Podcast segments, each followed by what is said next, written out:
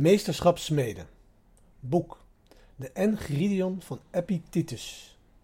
We leven in een tijd waarin meesterschap ontwikkelen nog belangrijker is dan ooit tevoren. En dat doet me denken aan de wijsheid van Epictetus. All great things take time, he says in the Engridion.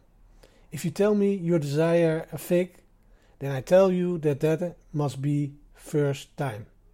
First let it blossom, then bear fruit, and then ripen. Ik herhaal. All great things take time, he says in Enchiridion.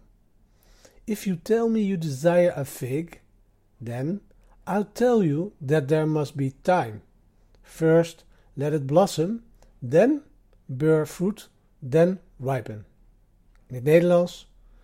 Alle grote dingen hebben tijd nodig, zegt hij in Enchiridion. Als je me vertelt dat je een vijg verlangt, dan zeg ik dat er tijd moet zijn. Laat het eerst bloeien, dan vrucht dragen en dan rijpen. Toen ik vanmorgen de toonladders op de piano aan het oefenen was, dacht ik aan een scène van een film die ik gisteravond zag. In het kort.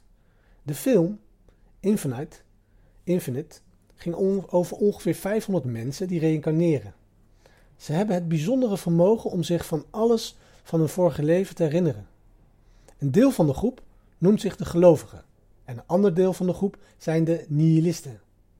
De nihilisten zijn het reïncarneren zat en willen de wereld vernietigen, omdat ze daarmee denken dat er een einde komt aan hun lijden.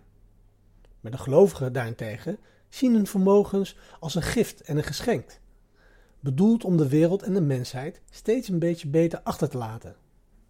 In een van de scènes herinnert een van de gelovigen, Mark Welberg, hoe hij als zwaardsmid een zwaard aan het smeden was.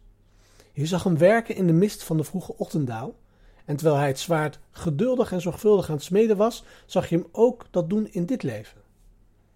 Een zwaard zo goed en mooi smeden is een vaardigheid die jaren duurt om te leren.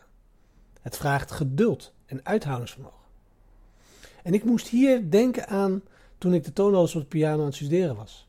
Want dat proces is vergelijkbaar. Het is een proces van geduld, van jarenlange oefenen.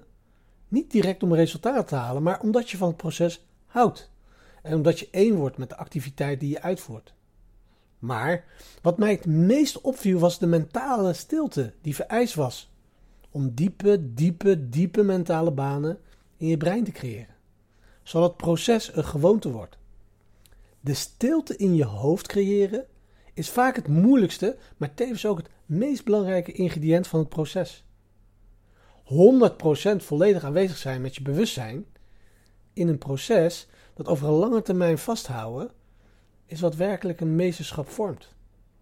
De microles van vandaag gaat over de quote van Seneca. Alle grote dingen nemen tijd. Hoe geduldig en aanwezig ben jij met het smeden van jouw meesterschap?